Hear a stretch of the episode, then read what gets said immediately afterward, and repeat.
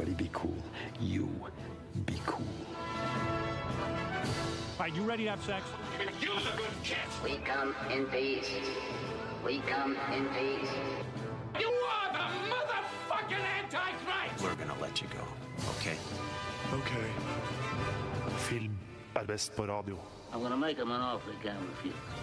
Nova Noir.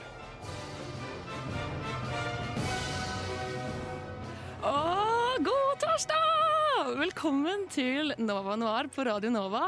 Og vi er i studio igjen! What the hell? Vi er litt rustne, veldig gira og veldig klare. Og det er første gang vi er her. Og jeg er jo ikke alene. Med meg har jeg Ina Sletten Hei, hei, hei. og Tage Riva Staalesen. Hello. Og bak spakene har vi Ragnhild Bjørlykke. Riktig uttalt, ja. Og Benjamin Ødegård med to a-er, ikke å. Hyggelig at dere er med oss. Og i dag så skal vi snakke om filmhøsten. Eh, alt vi har i vente, alt som kommer på kino, eh, hva vi tenker om ting. Men før det så skal vi snakke om hva vi har sett siden sist. Så Ina, hva har du sett på? Jeg har jo eh, denne sommeren eh, Du vet du ser for deg at du skal være med ut i solen, bade, have a good time. Jeg fikk kyssesyken eh, i en alder av 20, nå 24, eh, så jeg har ligget mye hjemme og slappet av. Men det som har gjort min eh, sensommer eh, verdt å leve, har eh, sjokkerende nok vært Paradise Hotel. Og mm, altså, jeg har uh, før på Nå Noir snakket varmt om reality. Jeg elsker reality. Jeg elsker også trash. Uh, samtidig som jeg kan være høykulturell. Ja, altså, ja, det er ikke viktig. Ja. Men si greia med, ja, ja, ja. Men eh, greia med Paradise er at forrige sesong var ikke bra. Da var det eh, utrolig mye sex. Det var sånn, det føltes ubehagelig. Jeg følte meg ekkel når jeg satt og så på Paradise. Det var ikke noen spennende uker. Det var ikke noen twist and turns. Og det var liksom Det var ikke en god sesong. Det var vel på en måte den Ex on the Beach-sesongen til Paradise. Eller når de Ja. prøvde å ta opp kampen med Ex on the Beach. Absolutt. Eh, og alle var helt gærne. Og så var jeg sånn, hadde egentlig gitt litt opp. og var sånn, faen, Jeg vet ikke om jeg orker å se med på Paradise. egentlig, Jeg synes ikke det var så hyggelig. Så begynte jeg da på eh, for jeg hadde noe annet å gjøre, så på eh, den nye sesongen. Og de har endra og gjort det bra og fint igjen. De har for det første endret fra to episoder i uka til tre episoder i uka. Og det må man. Ja, Ja. for da føler du at det er eh, Da føler man jo at eh, det er noe du må følge med på i løpet av eh, uka.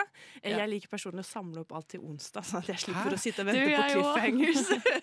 Men jeg skulle ønske det var fire episoder i uka. Jeg syns tre er litt for lite, egentlig. Ja, det Og de er så korte òg. Ja, men det, det er så kort, da, liksom, Opp onsdag da, så kan jeg få en og en halv time med full fres eh, Paradise. Jeg skjønner ikke hvordan du klarer å vente. Jeg er sånn, jeg venter til klokka er over tolv, så, jeg kan- så jeg kan se episoden med en gang.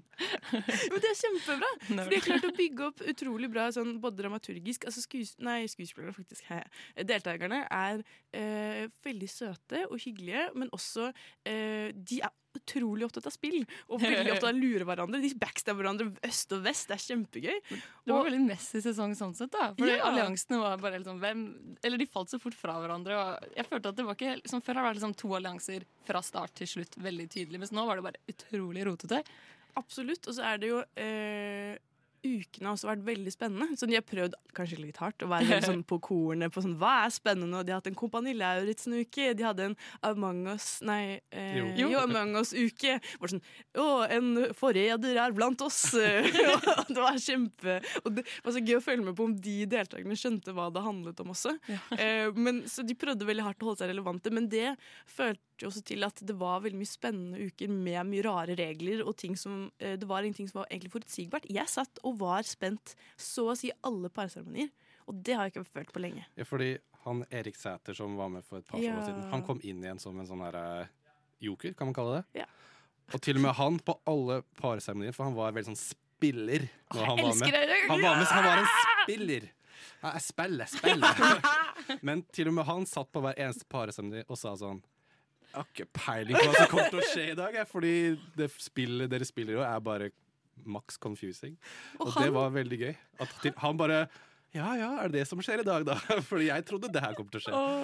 Men han har vokst så, vokst så mye. Fordi jeg så tilbake på eh, hans sesong, og da er det også en eh, parseremoni hvor han eh, blir så utrolig sint fordi ting ikke går hans vei. Han klikker. klikker fordi alle ville det! Det var det alle ville! og det, eh, selv om han hadde en liten callback på det på, i sin egen eh, finale, eh, så syns jeg han var bare veldig søt gjennom hele sesongen. Og var veldig sånn Kan ikke folk bare være hyggelige med hverandre? Og var bare sånn, For det, var, det blir jo veldig allianseaktig, og det er spesielt mye utfrysning fra den ene alliansen i forhold til andre deltakere. Og Triana sa ifra, og han Kristoffer som var så søt, han var så sånn Vær hyggelig med hverandre, da. Og det Ja. synes jeg var veldig fint, at de må liksom klare å passe på hverandre og se at et spill er et spill, på en måte. Nei, jeg elsket oss! Veldig rørende sesonger. jeg Ja. var helt med. Det er veldig mye Paradise-prat her, men det var en veldig engasjerende sesong. Ja, Men har dere sett mye på Paradise før? Eh, Ja. Jeg tror jeg har sett alle sesongene bort fra én siden 2012. Er det sant? Og jeg har til og med rewatcha noen. Og jeg har sett på no, sånn tre eller to danske sesonger og en svensk. Er det sant? Ja, så jeg ser på danske nå, fordi jeg yeah. har liksom withdrawals. Jeg trenger Paradise i livet mitt. Fordi det er så enkelt å bare skru på. Og så er det alltid litt spennende når du blir investert i folka. Ja, man må det. Hvem skulle trodd at filmprogrammet Nova Noir var liksom de største Paradise Hotel-titterne? Men det er fordi det er veldig bra.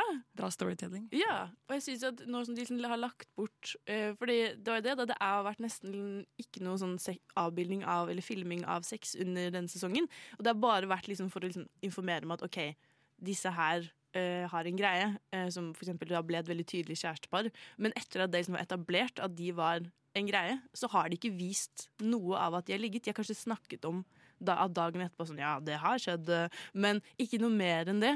Og det syns jeg har vært veldig fint, for det er ikke det det handler om. Og det er ikke derfor man ser på Paradise, måte, for å se folk eh, med sånn nightcam eh, ligge under et, et laken. Ikke Det er mange på Jodel som er veldig uenig med deg, men eh, jeg er enig. jeg, jeg føler at de, En sesong prøvde de å være Ex on the Beach, og så bare ga de opp og var sånn Vi går for spillet. Men uh, anbefaler alle som ikke har noe å se på, å rewatche. Det ligger på Viaplay, tror jeg. Og via Free.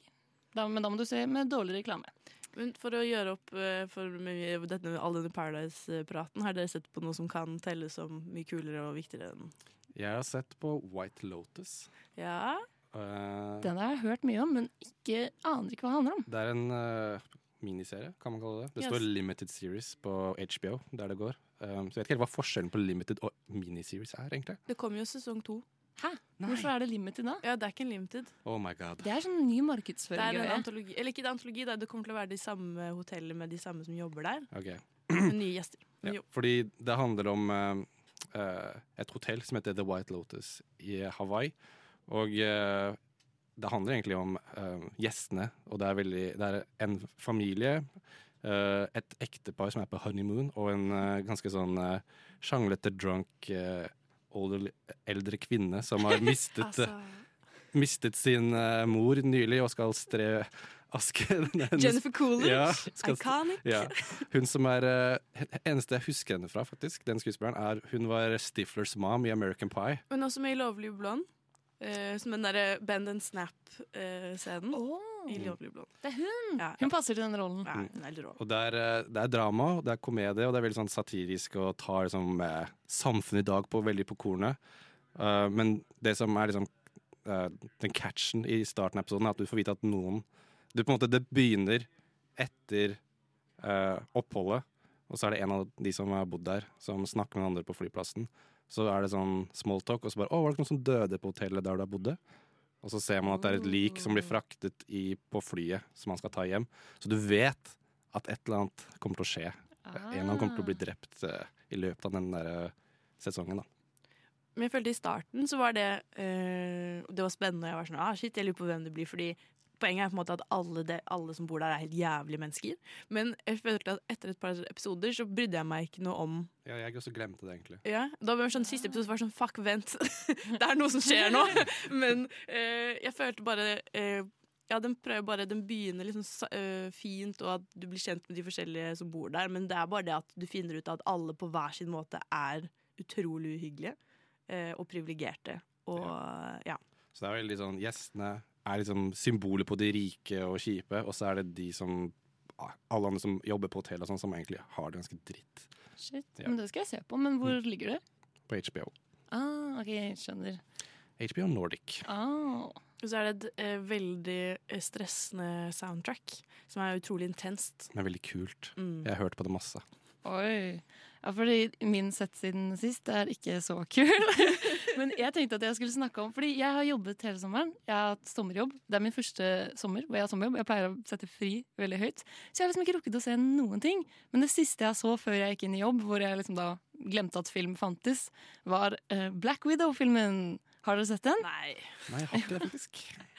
Jeg er egentlig veldig lei av Marvel-universet, og det skal vi snakke litt mer om senere.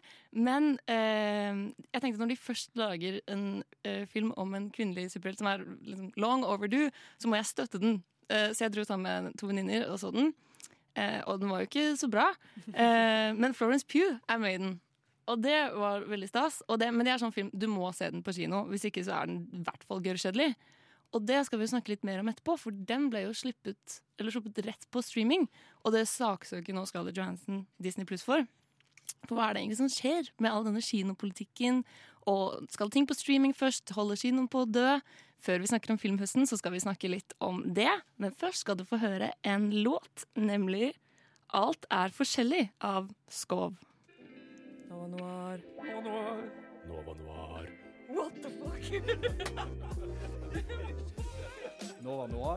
Vi sitter her hver torsdag fra 10 til 12. Vi er altså Nova Noir filmprogrammet, og vi skal snakke om filmhøsten. Og før vi snakker om noen av de store filmene og små filmene du kan se i høst, så skal vi snakke litt om kino generelt. Fordi hva er det egentlig som skjer med kinoen nå for tida, dere? Ja, den er jo åpnet igjen, da. Eh, og, eller har jo vært det en god, liten god stund nå. Eh, og man ser jo at det er jo premierer i øst og vest. Bare i, eh, nå i september så skal 28 filmer ha premiere på kino. Det er jo helt vilt mange. Eh, og det er jo det man da blir sittende eh, og spørre, er jo eh, hva har dette å si for kinohøsten generelt? Eh, kommer folk til å dra tilbake til kinoene? Er det mange lurer på. Nå som vi liksom har hatt et år hvor vi har sittet hjemme og kunnet se alt på strømtjenester. Og det hjelper jo heller ikke når filmer som du nevnte i stad, Black Widow, går rett på strømtjenester samtidig som de har premiere på kinoer. Kommer folk til å gidde å betale da 150 kroner for å sitte i en kinosal, når de allerede betaler eh, hva da, 70 kroner fra Disney pluss en, en gang i måneden? Så man blir jo veldig, og, og folk trives hjemme med hjemmeanlegg og sånne ting. Kommer folk til å liksom dra til kinoene og sørge for at kinoen, kinoene tjener penger? Man vet jo allerede litt fra før at kinoene i Norge sliter eh, litt økonomisk. Sliter innmari. Og det er det som er så trist òg, fordi i alle år har man jo sagt at kinoen kommer til å dø. Liksom, DVD-en var jo den største utfordreren, og liksom og Nei, kinoen døde ikke. Og, ja, man har alltid tenkt liksom at på et eller annet punkt vil den dø, og så har det blitt en litt sånn, sånn saying i filmhistorien at det er sånn, eh, kinoen dør aldri. Men nå tror jeg faktisk pandemien har klart å komme og ta knekk på kinoen. Eller det kan virke som, i hvert fall. Ja, fordi jeg tenker litt at uh, Nå får jeg sikkert mange imot meg, men hvis, hvis teatret kan overleve, da må i hvert fall kinoen overleve. Men jeg ser for meg at det blir kanskje litt sånn som at kino blir litt sånn som teater etter hvert. At det er bare sånn et par i de store byene som er litt sånn, får liksom statlig støtte videre, som klarer å keep it going. Fordi vi, de mer sånn kommersielle som bare trenger liksom at faktisk folk dukker opp og betaler kinobilletten, de ser jeg for meg kommer til å bli færre og færre av. Men skal da kino koste 600 kroner? Som en teaterbillett gjør? Nei, men kanskje, kanskje det der billettsystemet er outdated. Kanskje de må tenke annerledes. Kanskje de må tjente sånn abonnementer. Kanskje du betaler sånn 300 i måneden, og så kan du dra på så mange kino du vil. Eller kanskje ti filmer i måneden, eller whatever. Du må sånn Tenk nytt. Eh, ha kule ting som gjør folk eh, interessert i å dra på kino. For at hvis du bare skal liksom ha en helt plain eh, visning, så kanskje ikke folk er så interessert i å dra på kino lenger. Kanskje de bare sitter hjemme og chiller'n. Slipper de å ha de tenåringene på raden bak seg som driver med å sparke i setet ditt og fniser, eller han fyren nedi der som driver med business call på mobilen sin eh, sånn midt i klimaks i filmen og sånne ting. Men det er jo en, jeg husker jeg besøkte en venninne som bo, bodde i Glasgow. Og der hadde hun hadde også sånn abonnement på kino. Det er kuleste det, jeg har hørt. det er veldig kult, og det var kjempebillig også. Sånn, det var mindre for det abonnementet enn det var for um, oss å kjøpe én kinobillett uh, her i Oslo. Det er helt sjukt. Fordi altså, Jeg kan ikke så mye om økonomien til kino, men jeg ser for meg at der det er liksom alt godteri og snacksen og alt du kjøper. Det er det de tjener penger på. Liksom billetten er bare sånn for å lokke folk inn. Det er liksom som utesteder òg. Du betaler ikke for å sitte der, men du drikker deg drita og betaler, bruker masse penger på alkohol osv. Så, videre.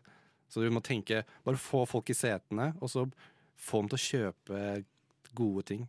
Men det er jo det man på en måte har eh, Når man har snakket om eh, fremtiden for kinoer, så sier man det er to kinogjengere som kommer til å fortsette. Det er de som drar for å se blockbustere, sånn som Black Widow, hvor det er, liksom, det er et poeng å dra til Odeon, eksempel, som er en kjempestor, og da betaler du jo brått 200 kroner for å se en film på kino, for det skal liksom være en opplevelse. Og så har du ja, Betalte du 200 kroner? Nei, men jeg hadde sånn setevarmer på. Når jeg så det. Ikke sant? Det er det som, da må du ha en ekstra masse goder, liksom bli behandlet som ja.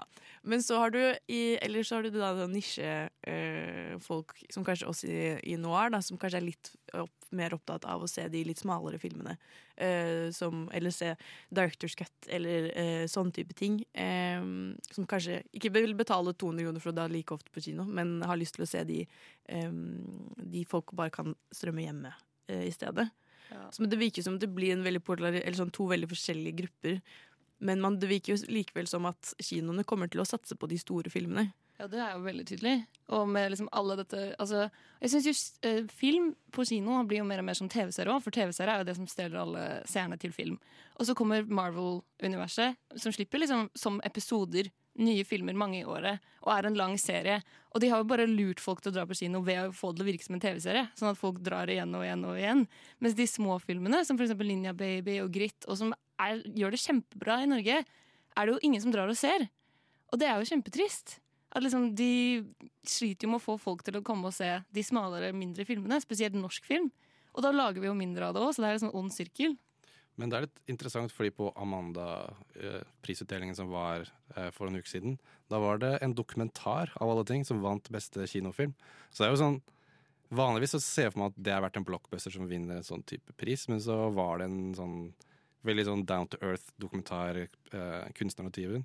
Så det virker jo som kanskje kinogjengerne i Norge har liksom for liksom, Det har liksom skjedd et eller annet med kulturen, kanskje. At, eller så er det bare de som stemmer, da. Det er bare de som stemmer. Det er bare, Det er sånn- Ingen ser på Amanda heller. Ja. Det er sånn. Men det er jo det, eh, Årets kinofilm er jo juryen som bestemmer. Oh, okay. ok. Eh, det er bare Folkets Amanda som er Og det var vel eh, eh, Generasjon Ute som vant. Mm. Også en dokumentar. Også en dokumentar. Det er sant. Eh, men eh, det er kjempegodt poeng. Men jeg tror også eh, Nå har vi jo for første gang på veldig lenge fått utrolig mye oppmerksomhet fra utlandet også. Yeah. Altså, jeg føler det er sånn rigged at eh, verdens verste menneske kommer til å vinne alle prisene på Amanda neste år, f.eks. Ja. Eh, ikke at jeg skal anta det, men jeg bare, fordi 'Kunstneren og tyven', som er en veldig bra dokumentar, har fått veldig mye anerkjennelse fra utlandet også, så hjelper jo det på en måte på. Eh, men det er veldig veldig kult at den like, like fullt kan gå eh, unna med den prisen opp mot f.eks. 'Den største forbrytelsen'. Den var ikke nominert i beste spillefilm! Eller kinofilm. Det er også veldig morsomt, egentlig. Eh, for å være en av de største filmene som spilte under pandemien. Ja.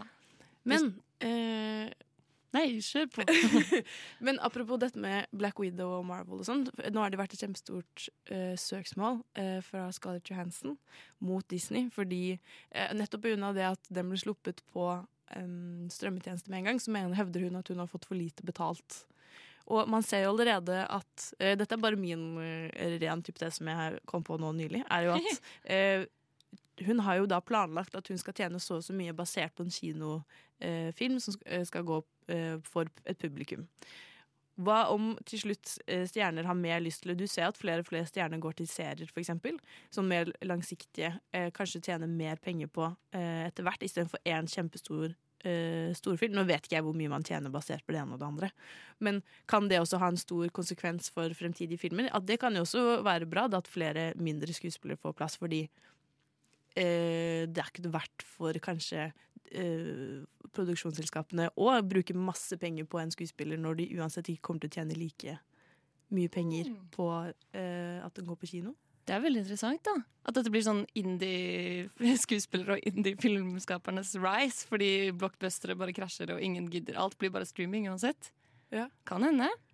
Vi skal jo snakke om noen av filmene som kommer denne høsten, og som vi oppfordrer alle til å dra og se nettopp på kino. Eh, og den første filmen vi skal snakke om, er 'Verdens verste menneske', som har gjort det veldig bra og puttet Norge på filmkartet. Wow! Men først så skal vi høre en låt, nemlig 'Ikke igjen' av Pikekyss.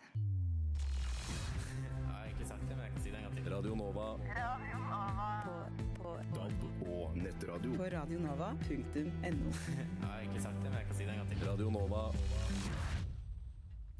Yes, du lytter til eh, Nova Noir på Radio Nova, og vi snakker om høstens filmer. Første film vi skal snakke om, er 'Verdens verste menneske' av Joachim Trier. Denne filmen har jo gjort det dritbra i Cannes, og allerede blitt liksom en ny favorittfilm uten at noen av oss har fått sett den. Eh, den hadde en førpremiere nå denne uka her, og den ble utsolgt på 20 minutter, som er rekord. Eh, det høres lenge ut, men i Norge er det rekord. Eh, og denne filmen vet vi veldig veldig lite om. Det er ikke noe trailer, eller noe sånt, men vi har et lite lydklipp som vi kan høre på bare for å sette tonen. Så dette er altså et klipp fra 'Verdens verste menneske'. Hva heter du for noe? Julie, Jeg heter Eivind. Eivind. ikke si det. Hvorfor ikke det? For da bare finner jeg deg på Facebook. Og så. Ja, ja, ja. Det er lurt. Ok, OK, ha det. ha det. Vi var ikke utro, da. Vi var ikke det. Vi var ikke det. Nei. Ha det. Ha det. Ja, så Der setter vi jo stemningen for verdens verste menneske. Det vi vet, er at det handler om Julie, som snart er 30 år og har en slags kvartlivskrise. Hun er sammen med eh, Anders Danielsen Lie, sin karakter, som er sånn kul tegneserieskaper. Eh, men hun kjeder seg i livet sitt, eh, ønsker noe mer. Så begynner hun å flørte litt med denne karakteren vi hørte her. Uh, som jeg ikke vet hva heter, men som spiller av Herbert. Nord- Eivind, var det ikke det han sa? Eivind! Du fulgte med, du. Herbert Norum. Uh, og så blir hun dratt inn i en ny verden, og så handler det egentlig bare om livet, kjærligheten, det å være et menneske, er det de har fortalt om. Uh, og hva er deres forventninger til denne filmen? Altså, man er jo veldig spent når det er Joachim Trier. da. Han er jo en av de flinkeste regissørene vi har i Norge. Kanskje noen vil si den flinkeste, den beste, som ofte får oppmerksomhet uh, i utlandet. Så man er jo veldig spent. Og så er det på en måte final, den tredje og siste filmen i hans Oslo-trilogi, som han kaller det. Så det er jo ekstra på en måte stas for flere, for flere som liker de andre to filmene, og endelig får liksom den siste filmen i hans tematiske Oslo-trilogi.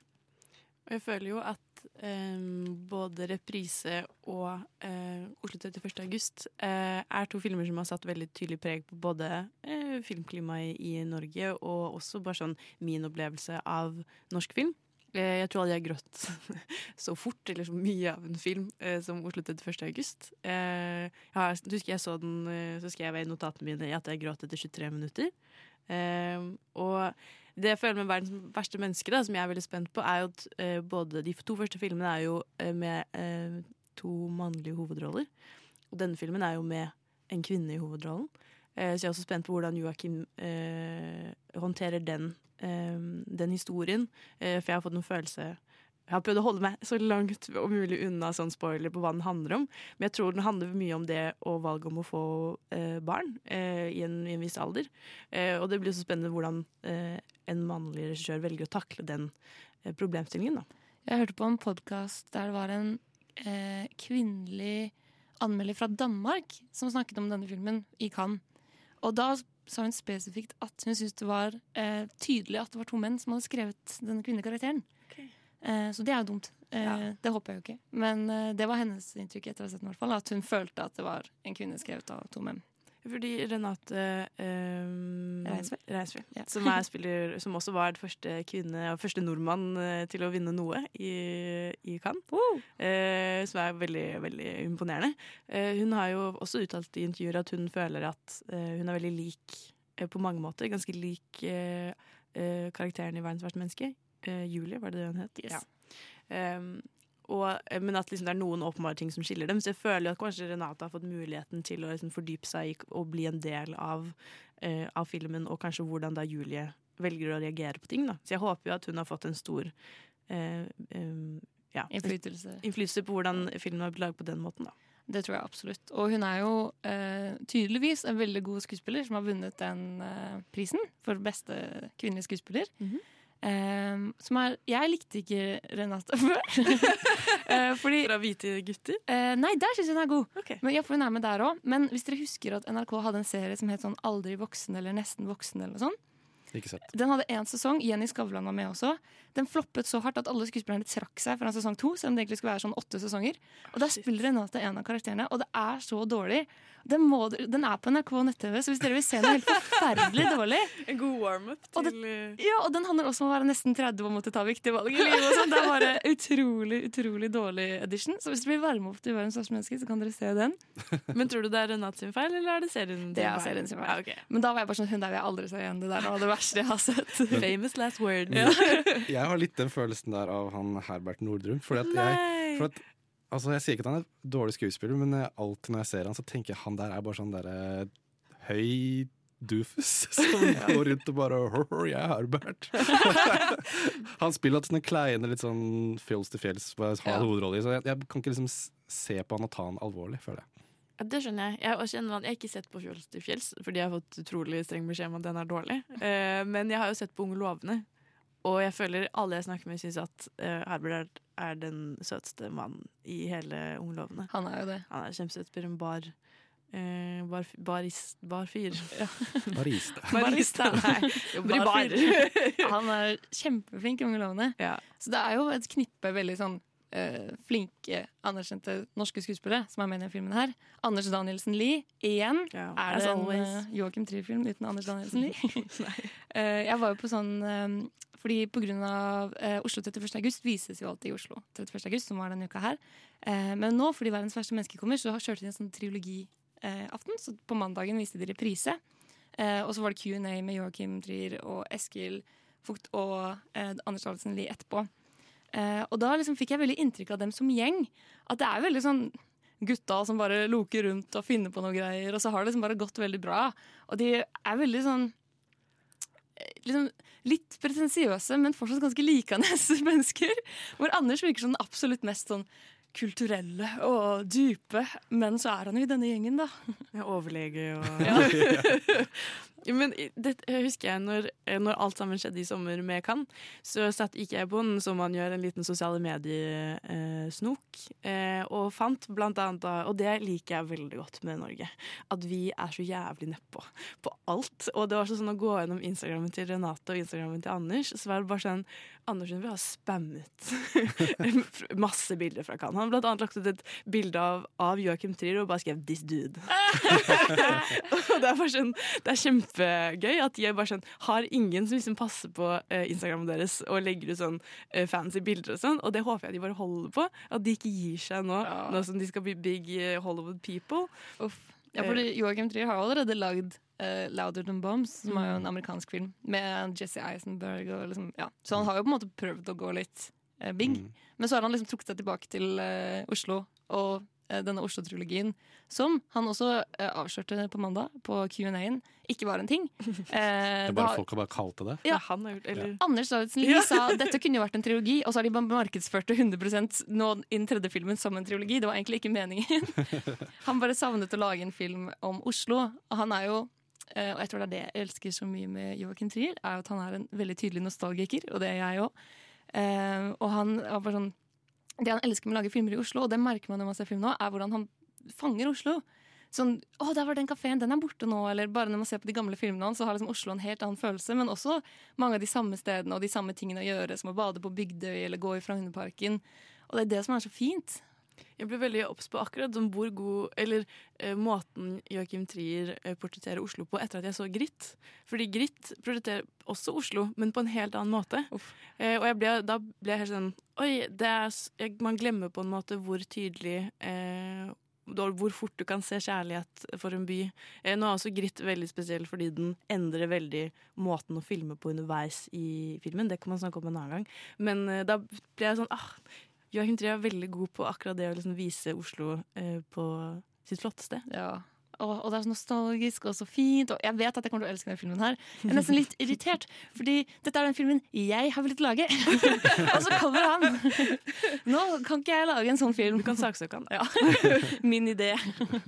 Men den er, jeg tror den kommer til å bli Det er nesten litt skummelt for høye forventninger til denne filmen. Fordi jeg bare vet jeg kommer til å elske den, og det kanskje gjør at noen blir skuffa. Kanskje de har litt høye skuldre for premieren i Norge, fordi det er hele Norge vil se den og har veldig høye forventninger til den. Ja, du får rewatcha der eh, Nesten voksen rett før. Ja, så forventningene du, du, rykkes. Så du liksom får litt sånn hat for Renate, og så eh, kan du elske henne. Jeg håper nesten hun tenker at uh, nå bygger vi den opp så sykt, og så bare ja, ja, den var helt OK. Shit, ass, Dere får høre hva vi syns om uh, verdens verste menneske om i hvert fall en måned. Den har premiere ja, er det vel. midten av oktober. Da kanskje vi har en Joachim Trier-spesial. Det hadde vært gøy. Ah, det Jeg koselig. pitcher det allerede. Ja. Vi skal snakke om eh, Eskil Fugt, som jeg alltid har trodd het Vågt. Eh, bukt. Fugt. Vet ikke. Ja. Du var jo på Q&A. Ja, men da husker jeg tenkte Er det sånn man sier navnet hans? For jeg har tenkt det er Eskil Vågt, men det er vel Fugt. Vogt. Det skal vi google. Men eh, han har jo vært med å skrive 'Verdens verste menneske', og kommer også med sin egen film eh, i år, som heter 'De This uskyldige'. man. This Man! Altså Working Man. Du hø hø hører På på Radio Nova. Yes, og vi er tilbake, og vi skal snakke om De uskyldige av Eskil Vogt. Vogt. Vi har googlet det, men vi har ikke blitt bedre. Uh, Ina, hva handler De uskyldige om? Uh, de, altså, du sa jo i stad at det går ikke an å ha en Joakim Joachim Trier-film uten uh, Anders. Og det er jo, man kan jo på en måte si det samme om eh, Eskil. Eh, han har jo vært en god, de har vært en god duo, for å si det sånn. Og nå, han har jo laget en annen film før, eh, 'Blind'. Eh, og dette er vel hans andre spillfilm, eh, om jeg husker rett. Og den handler om eh, en liten eh, gjeng med barn. Eh, det er sommerferie, alle andre er eh, i Granca eller hva faen. Eh, så har du da eh, en familie som flytter inn i et nytt nabolag. Og det er Nå husker jeg ikke hva hun kiden heter. Men Ida. Ida. Mm. Uh, Ida må jo da begynne å få seg venner. Uh, møter et, uh, et par andre Møter en som heter Benjamin. Og det viser seg at Benjamin kan mer enn bare å leke på lekeplassen. Han kan også flytte ting hvis han ønsker det. Eh, med, Med tankene sine. Med tankene sine! Dette var ikke så bra. Men før vi går videre, så tenker jeg at vi skal sette litt stemningen for denne litt ubehagelige eh, filmen. Er du ny her? Ja. Skal jeg vise deg noe? Nå. Oi! er det søsteren din? Hun er autistisk. Jeg snakker med noen som ikke er her. Vi tenker det samme. Vi tenker det sammen. Hva er det du egentlig skal gjøre?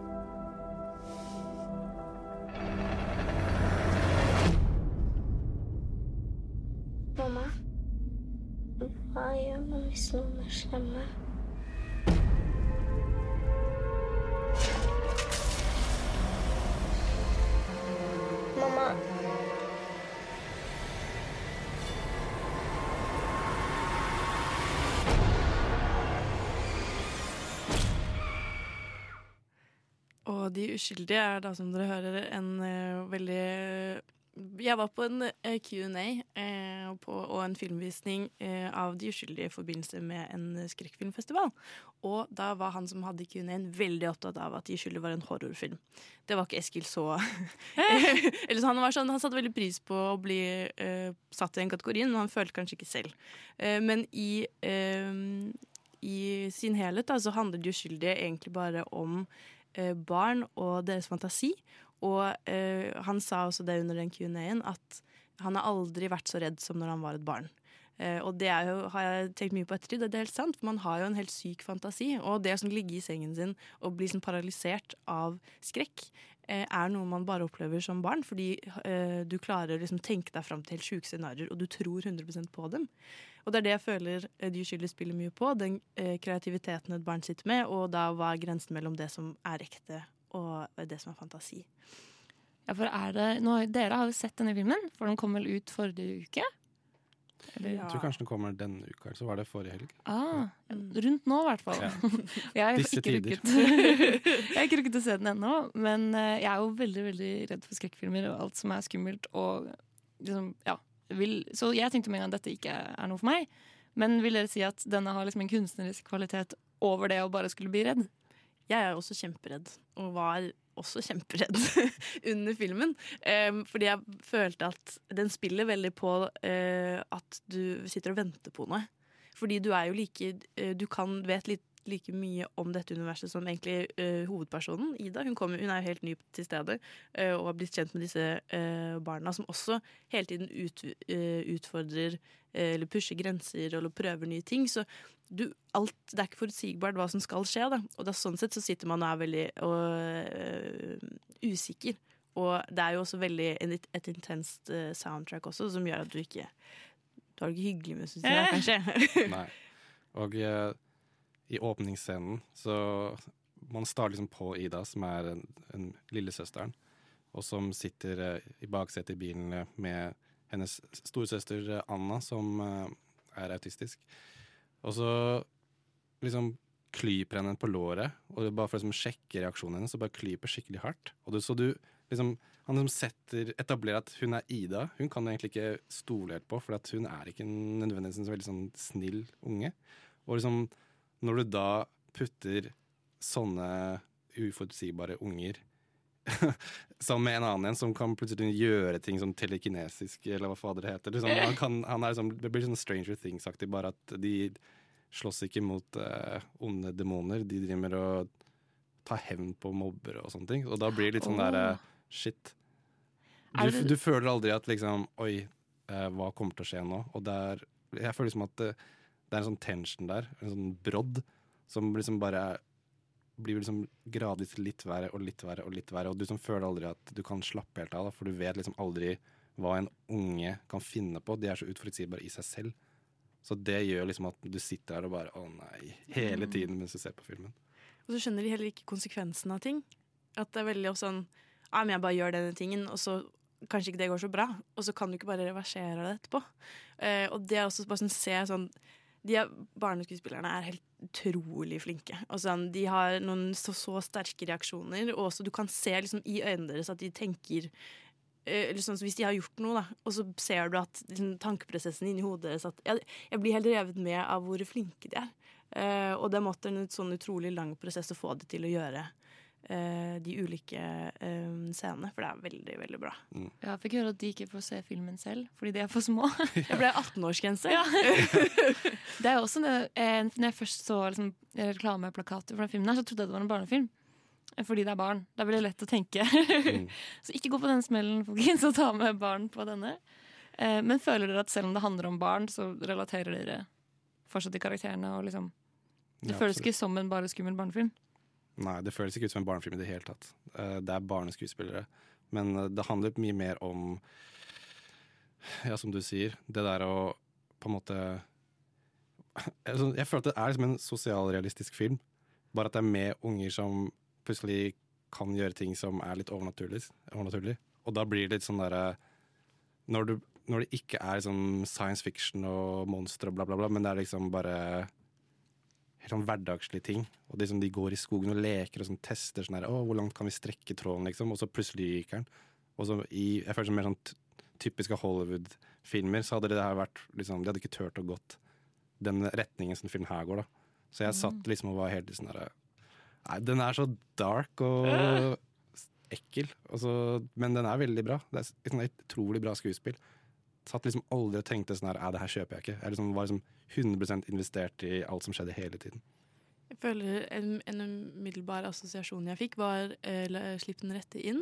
eh, Den svenske vampyrfilmen. Eh, For den er også litt en sånn leke med det barnslige og naiviteten til et barn.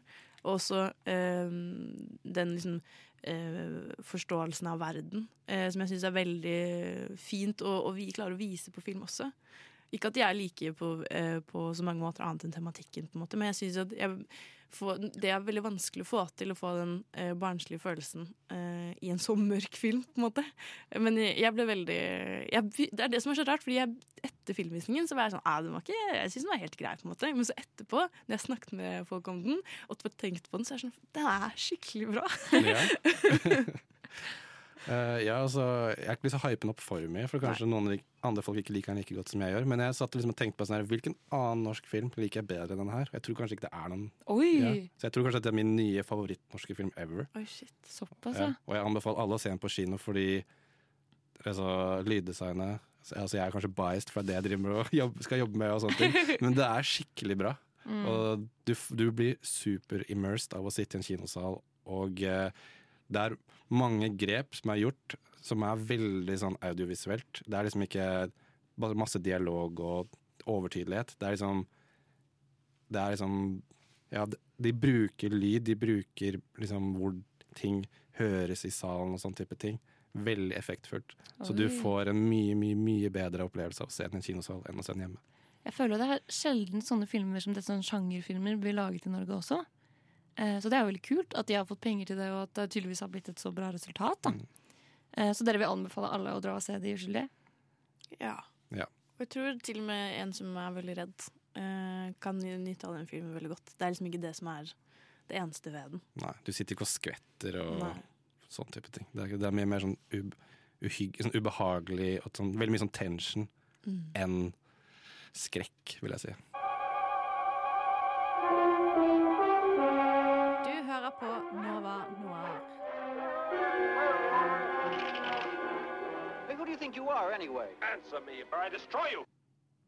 Ja, det Nå har vi kommet til en film som vi alle er litt spent på, fordi ingen av oss egentlig vet noe særlig om den. Eh, Det gjør sikkert ikke du heller. Den heter The Middle Man. Filmen ingen har hørt om, som kommer nå snart. Ina, hva er The Middle Man?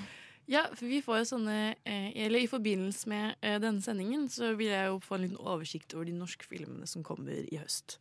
Og så sto det plutselig The Middleman. Og så var jeg sånn, hva er det her for noe? Det er jo en film eh, laget av Bent Hamer, altså han som har laget Eggs og eh, Salme fra kjøkkenet. Eh, en eh, kjent, om man vil våge kalle det, autørregissør i, i Norge. Eh, og han har da laget den filmen som er The Middleman er en norsk film filmet i USA, hvor eh, en, eh, en Frank Farelli, som spilles av Paul Sverre Hagen, får seg jobb i byen Carmack i USA, og som er en by hvor det går så jævlig dårlig. Det er bare traust å bo der. Og da trenger de en mellommann som har lyst til å komme med de litt kjipe beskjedene. There are so many accidents here in Carmack. So that's why we have to hire a middleman. Are you aware of what the position involves? I think I have a pretty good idea. I'm proud of you, Frank. Carmack's new middleman. You'll have to meet people face to face at the most difficult times. What's a middleman do? A middleman brings people news. Something bothering you, Frank? You think I look like someone who brings people bad news? Maybe there's something inside there that feels something. I haven't slept a wink. I've been so worried about you. I don't know who you're keeping company with anymore. They're just testing you, Frank. It was too easy. It was just. Sometimes I wonder, what are accidents really? Where have you been? None of your business. Frank, this time you're the one receiving the news. It's your fault, the whole thing. You're bad luck for Frank, what have you done? Og dette er da Pål Sverre Hagen, eh, som spiller opp mot mange forskjellige skuespillere. Blant annet Aksel Hennie er å finne i denne filmen, og Tuva Novotny er å finne i denne filmen. Og da en haug av en drøss med amerikanske skuespillere. Ja, Mindre kjente amerikanske skuespillere. Mindre, mindre kjente amerikanske skuespillere. Det er jo liksom gøy når du hører på den traileren her og prøver å skjønne hva denne filmen handler om. Og de bruker liksom de første 30 sekundene av traileren på bare I'm the middle man. You're the middle man, Frank. You know, you're a middle man. Jeg vil påstå at uh, det var en mistake Uh, å caste de norske skuespillerne i den filmen. her Fordi den norske aksenten hørte man veldig tydelig. Ja! Men tror du ikke det er poenget? Jeg vet ikke. Jeg tror ikke jeg kan ingenting om den filmen, Ida. Nei, Ida. Ida. I, sa inn, inne.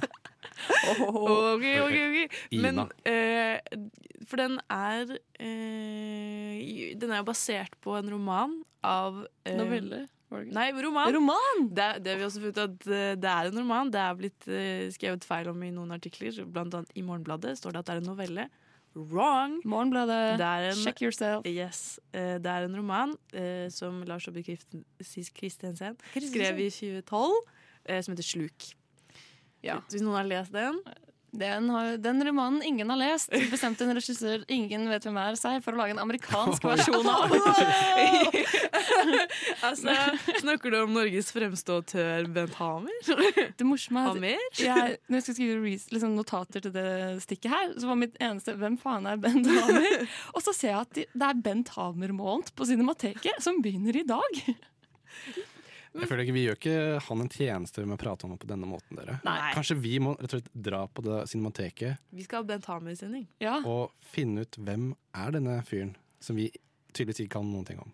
Ja, fordi jeg har jo hørt om Eggs, for eksempel. Den har vunnet Amanda-priser. Mm. Og eh, du hadde hørt om Sandmor fra kjøkkenet. Det Jeg har har hørt også tittelen. om. Ja. Mm. Og jeg har hørt om Hjem til jul, som han regisserte sesong én eller to av, tror jeg. Han har lagd den? Nei, han har regissert den. Sånn han har kommet på regis- Men tror jeg, da. Det, det sto det, men det kan, eh, Kanskje IMDb kan lyve. bare. Ja, kanskje noen Ok. episoder, regissør. Ja, for det, den, jeg, ikke at jeg har sett Jevnt jul, men jeg vil ikke si at det er en veldig autøraktig Nei, det er det, Men eh, Er ikke jul autørserie? det var litt av en påstand. jeg bare slenger det ut der, jeg, men uh. Men det, The Middleman er jo liksom uh, Jeg skal se den nå. Ja, ja. bestemt, og det føler jeg alle burde gjøre. Fordi hvorfor har vi lagd på en måte Hvorfor har vi tatt med en masse norske folk til USA for å lage sånn derre hometown-krim? Ja, men jeg må si sånn Et problem norsk filmindustri har, er at det kommer norske filmer som sikkert har fått støtte og bla, bla, bla, men så har de null budsjett på markedsføring. Som, Det er så mange filmer som kommer ut som kanskje har plakater uh, hengende rundt kanskje i én uke. Så tenker jeg OK, hva er det her for noe? Har ikke peiling. Gidder ikke å se den. Men så er den kanskje bra. Så jeg føler at hvis en norsk film ikke får liksom, en sånn eh, prisanerkjennelse i utlandet, så, så, er det, så hører man liksom ikke om dem. Det var sånn jeg fikk vite om Ninja Baby og Verdens verste menneske og de uskyldige. Sånn, å, folk liker den andre steder i Norge. Da, de er troverdige. Så de får meg til å få lyst til å se på filmen. Så liksom, norske markedsføringsfolk må liksom tenke hvordan kan vi markedsføre filmer på andre måter enn priser? For hvis det bare er det de skal gå ut på, så er det ikke så veldig mange norske filmer som blir sett av the public. Det er veldig eh, gøy at du tar opp, egentlig, fordi apropos Morgenbladet, eh, på tross av at de har informert feil om novelle og, og roman, så eh, har Aksel Kielland skrevet en veldig god artikkel om nettopp det her. Eh, den heter 'Markedsføringsapparatet for kvalitetsfilm er i ferd med å bryte sammen'. Og den handler om nettopp om det, at sånn kulturjournalistikken er en av de viktigste eh, reklamekanalene til filmer. Det handler om at eh, anmeldere og de som skriver om eh, de forskjellige filmene, er en del av å få en film eh, ut til publikum. Akkurat sånn som med kino også. at Hvis folk skal kunne gå på eh, kino, så må man ta kulturjournalistikk mer på alvor og prøve å få, det, få folk til å lese det. da. Før var det jo faktisk sånn at man eh, Nå er det fordi vi lever i et annet klima, åpenbart, at man har så sykt mye å velge fra. Så da tenk, og det er så mm, utrolig forskjellige smaker. Sånn, du kan ha en utrolig snever smak og finne dritmye filmer som passer for deg. Du er ikke like avhengig av å lese i avisen om en film er bra eller ikke. Men det må man på en måte finne en øh, Rekonstruere måten vi, vi skriver om filmer og om underholdning på. Det, sånn at vi kan fortsatt være talerør for spesielt norsk film, for å få det, øh, folk til å oppdage det. Vi har jo fått et øh, ufortjent dårlig rykte, syns nå jeg. Men det er jo fordi vi ikke har klart å tale de opp heller. Ja. Så det er viktig, dra og se en norsk film, selv om dere ikke har hørt om den. Som The Middleman. Som vi oppfordrer alle til å sammen med oss dra og se når den kommer ut. Jeg tror det var november. Den eh, kommer jo om ikke så lenge, tror jeg faktisk. Hvis jeg ikke husker. Er det allerede sånn september? September, Den er Nei. 17. september. Herregud! Ja, så den er rett rundt hjørnet, faktisk. Da, som vi, de eneste filmkanalene som markedsfører denne filmen, Ja. dra og se den sammen med oss, og så kan vi ha en liten sånn Anmeldelse kommer om Ja. eh, en uke, sikkert. Ja, og da ser vi er The Middleman verdt å se.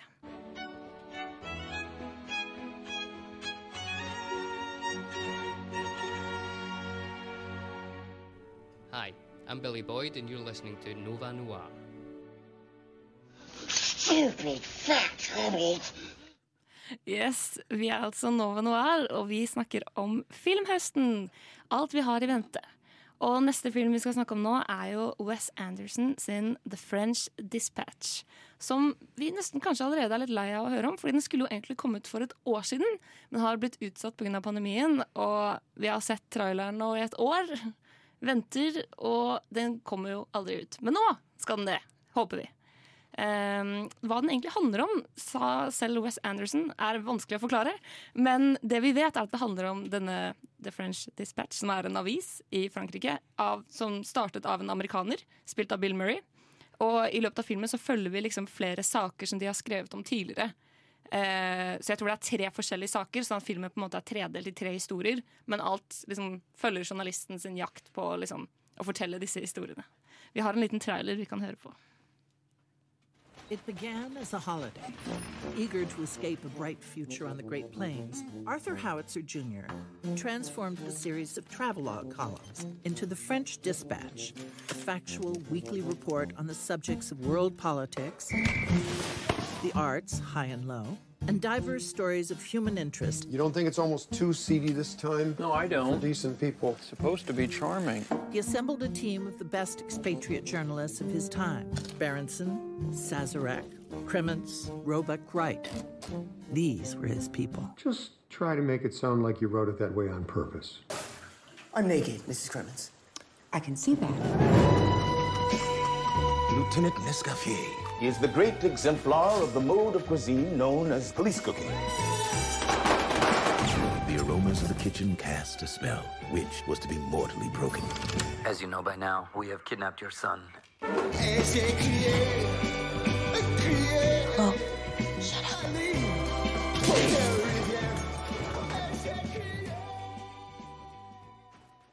Yes, og Det var altså et lite utklipp fra traileren til The French Dispatch. Og det er jo rotete. Det er fransk aksent, det er skyting, det er noe 'Kidnapped Your Son' og noe Bill Murray som er sarkastisk. Det er jo, høres jo ut som alle Wes Anderson-filmer, egentlig.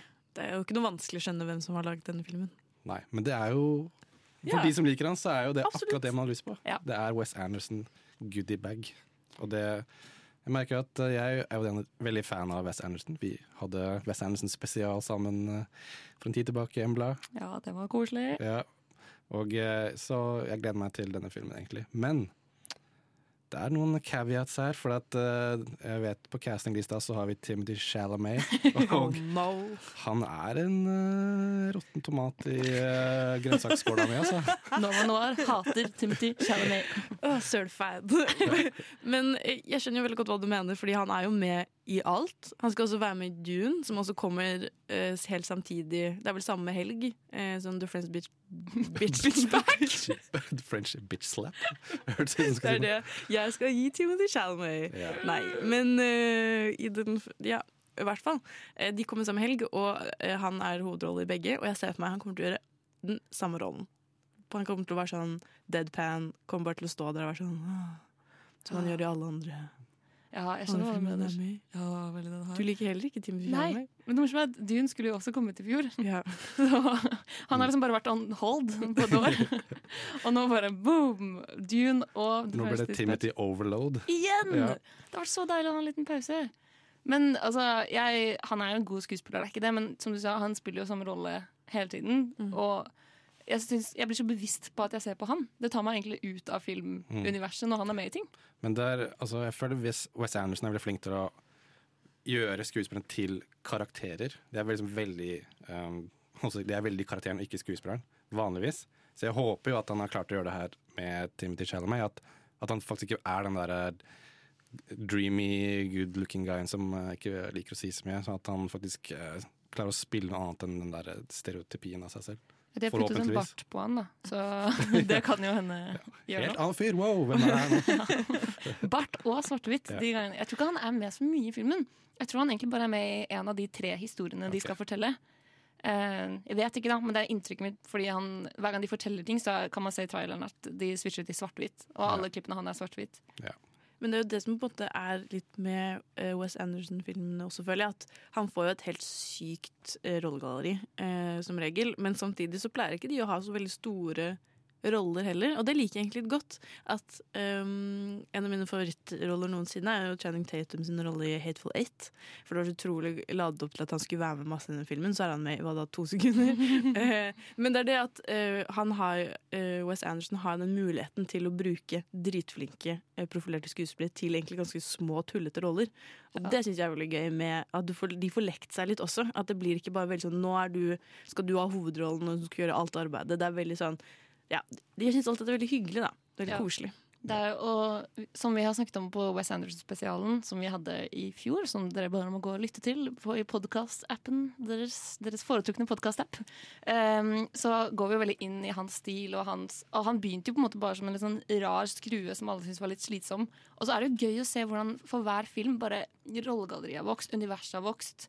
Uh, det har jo blitt så svært. Men der har han mistet liksom den sjarmen som vi har blitt glad i i f.eks. Royal Tenenbaums og sånn, ved at filmene bare blir større og større. Det er jeg veldig spent på å se.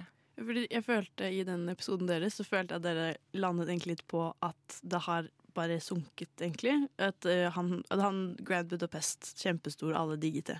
Men etter det så har det på en måte vært ikke så mye leven rundt hvor bra altså Det er jo alltid sånn ah, Andersen, Anderson kjempeflink, liksom, men det har ikke vært noe sånn Dette var en helt fantastisk god film, på en måte. Um, så jeg lurer jo på om han klarer å holde på det fremdeles. Eller om det bare går nedover. Eller at det blir mer bare heller, ja, som du sier, rollegalleri enn Ja, for det er jo hele tiden i filmen hans den balansen mellom at du skal fortelle ekte historier som rører, og at de skal være veldig pent skutt, quirky. Liksom, vi brukte det ordet en trillion ganger. Quirky.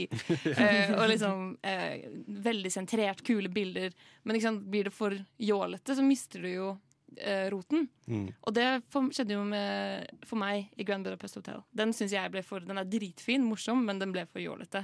Til at jeg klarte å ha liksom, Jeg har jo grått av veldig mange av de andre filmene hans, veldig uforventa. Mens Grand Budapest var det sånn ah, kult, liksom, kult at dette ble laget, men Og det er jo det jeg er litt redd for i The French Dispatch, at det bare blir enda større enn Grand Budapest igjen, da, men samme greia. Mm. Den hadde jo premiere på Cannes, og den høsta ikke innom priser der. Ikke, oh. ikke at det nødvendigvis betyr at den er ikke så bra, men uh, den, altså allerede på Cannes så fikk jo uh, The Grand Budapest Hotel liksom veldig mye sånn praise, da. Og det har kanskje liksom falt litt under radaren. Liksom Det kom ut, ikke så mye snakk om det etterpå. Så jeg vet ikke, kanskje liksom folk har blitt litt sånn der øh, Tar han litt for gitt, tror jeg. Folk Ja. liksom, Å, Wes Anderson, ja, det er en- Wes Anderson-film, og så tenker man ikke over hvor bra og liksom godt håndverk og liksom hvor unike de er i seg selv. For det er, liksom, det er liksom blitt Det er bare sånn, det er som egen sjanger. Wes Anderson-film. Det, er- det er Wes Anderson-film. Liksom, du kan Wes Anderson-ifie alle filmer. Det er sånn, å, det er Halloween. Wes Anderson-style.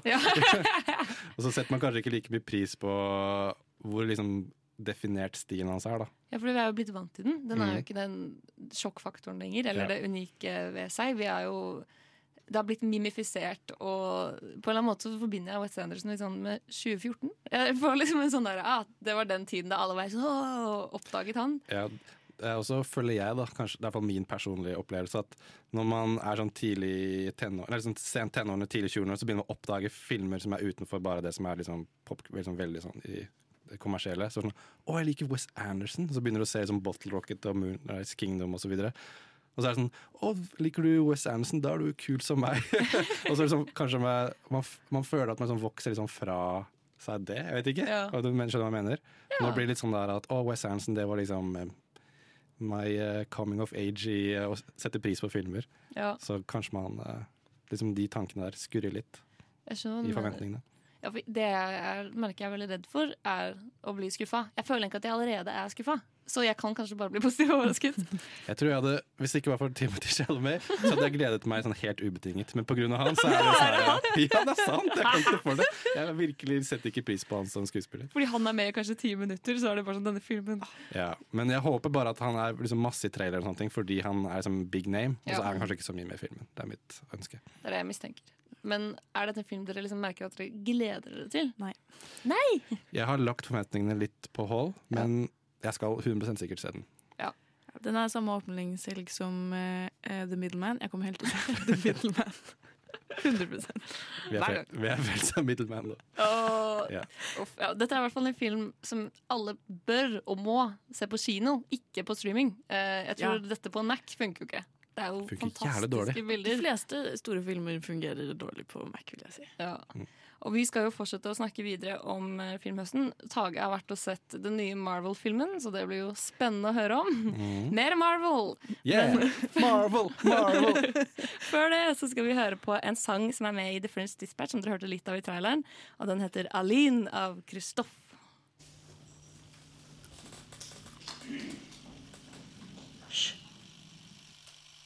Ukens kinopremierer. Ja, for Tage, du har vært på kino! Ja, jeg har vært på min første pressevisning eh, på dritlenge, faktisk. Wow! Og filmen du valgte var Shang-Chi. Oh no. Ja. Uh, det er en, den nyeste Marvel-filmen i The MCU, eh, og jeg, um, kanskje det eneste i dette studio, er ganske fan av The MCU. Jeg liker uh, filmene, og Endgame var en av mine store highlights det året den kom ut. Eh, ja, hva skal du si, Ina? Nei, jeg skulle bare si at jeg er jo veldig fan av eh, alt frem til sånn Alt som har kommet ut de siste årene. Ja. Jeg elsket jo Endgame og Infinity War og sånn. Mm, men du har, du har virket litt skeptisk til denne filmen. Det er jo blitt eh, kanskje for mye av det gode, da. Ja. Er det jeg føler. Nei, ja, ok. Men i hvert fall, jeg har sett Shang-Chi, eh, og det er den nyeste eh, filmen i Marvel-universet. Og Den handler jo om en fyr som heter Sean, spilt av Simu Lee. eh, Lee. Eh, han er en helt sånn alminnelig uh, fyr i San Francisco. Jobber sånn som valet, sånn som tar imot biler og parkerer de for uh, folk som dukker opp på restauranter osv. Uh, elsker å drive dank og drikke langt på natt og synge karaoke med sin coworker og bestevenn Nine. uh, Katie, spilt av Akofine, som jeg er fan av fra før av. Hun er kul. Hun er veldig kul. Eh, plutselig en dag når de er på bussen på vei til jobb, så bare dukker det opp en gjeng med sånn eh, det jeg vil kalle shady dudes, som eh, skal liksom ta smykket hans som han har fått av mora si da han var kid, og liksom bank, banke han opp. Og så er Katie sånn herre Sean, bare hva driver du med? Du kan ikke slåss, du. Men så bare boom!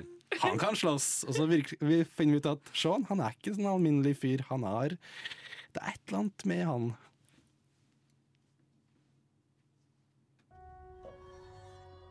Throughout my life, the Ten Rings gave our family power.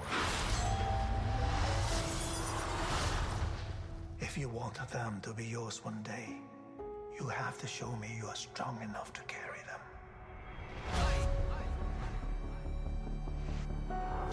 You are a product of all who came before you. The legacy of your family. You are your mother. And whether you like it or not, you are also your father.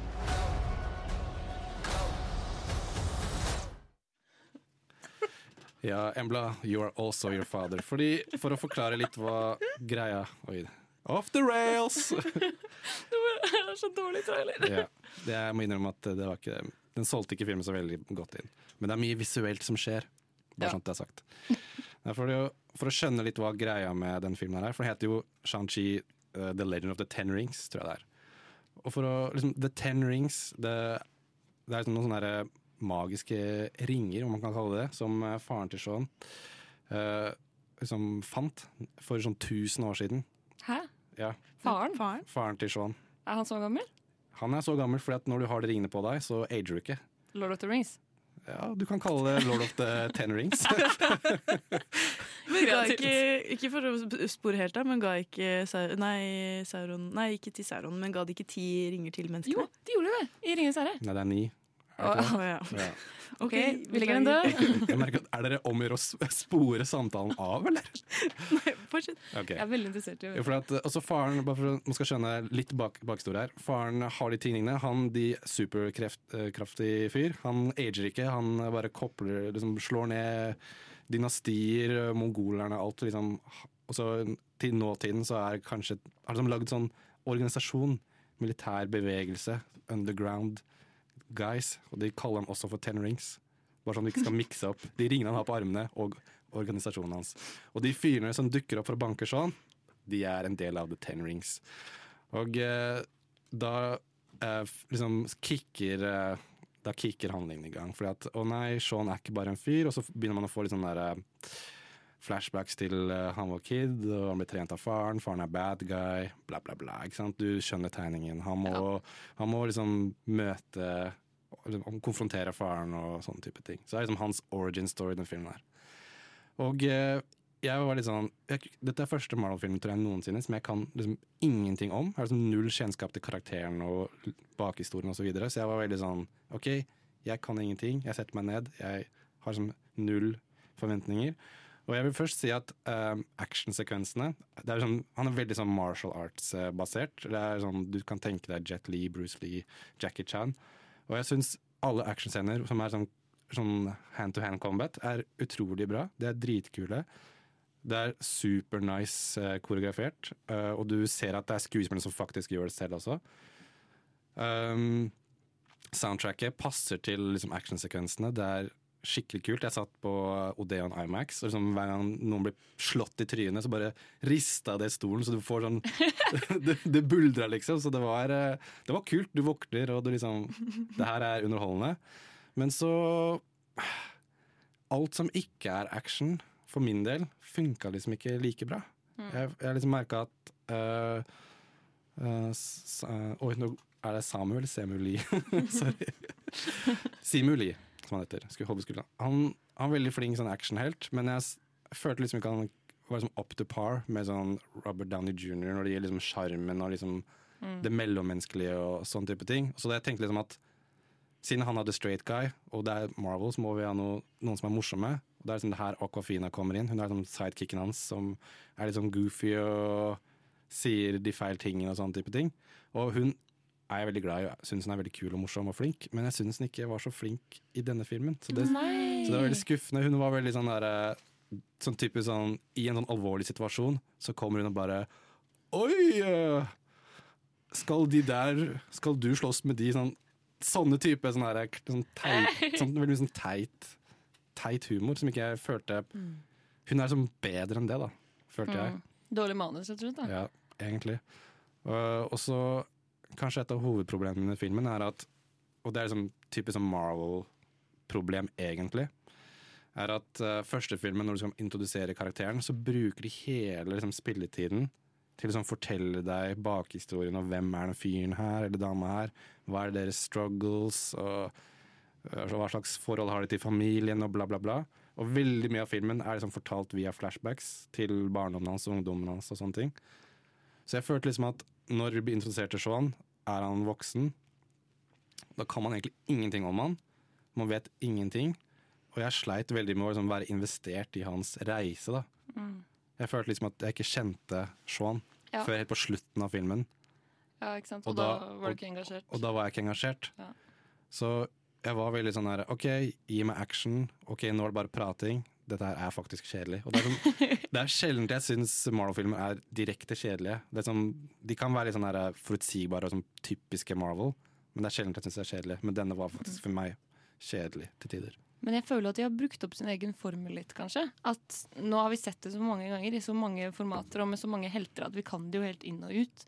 Um, med fare for å høres veldig pretensiøs ut, eh, var det ikke Scorsese eller noe sånt som sa at eh, Marvel-universet er ikke film, det er en berg-og-dal-bane. Det, liksom, det er en fornøyelsespark, men det er ikke film. Og det er litt jeg føler sånn jeg drar for å, at setet mitt skal riste og for å liksom ja, være på Imax på Deon, men det er ikke fordi jeg vil se filmen. Og for å ha setevarmer? Ja, setevarme spesielt.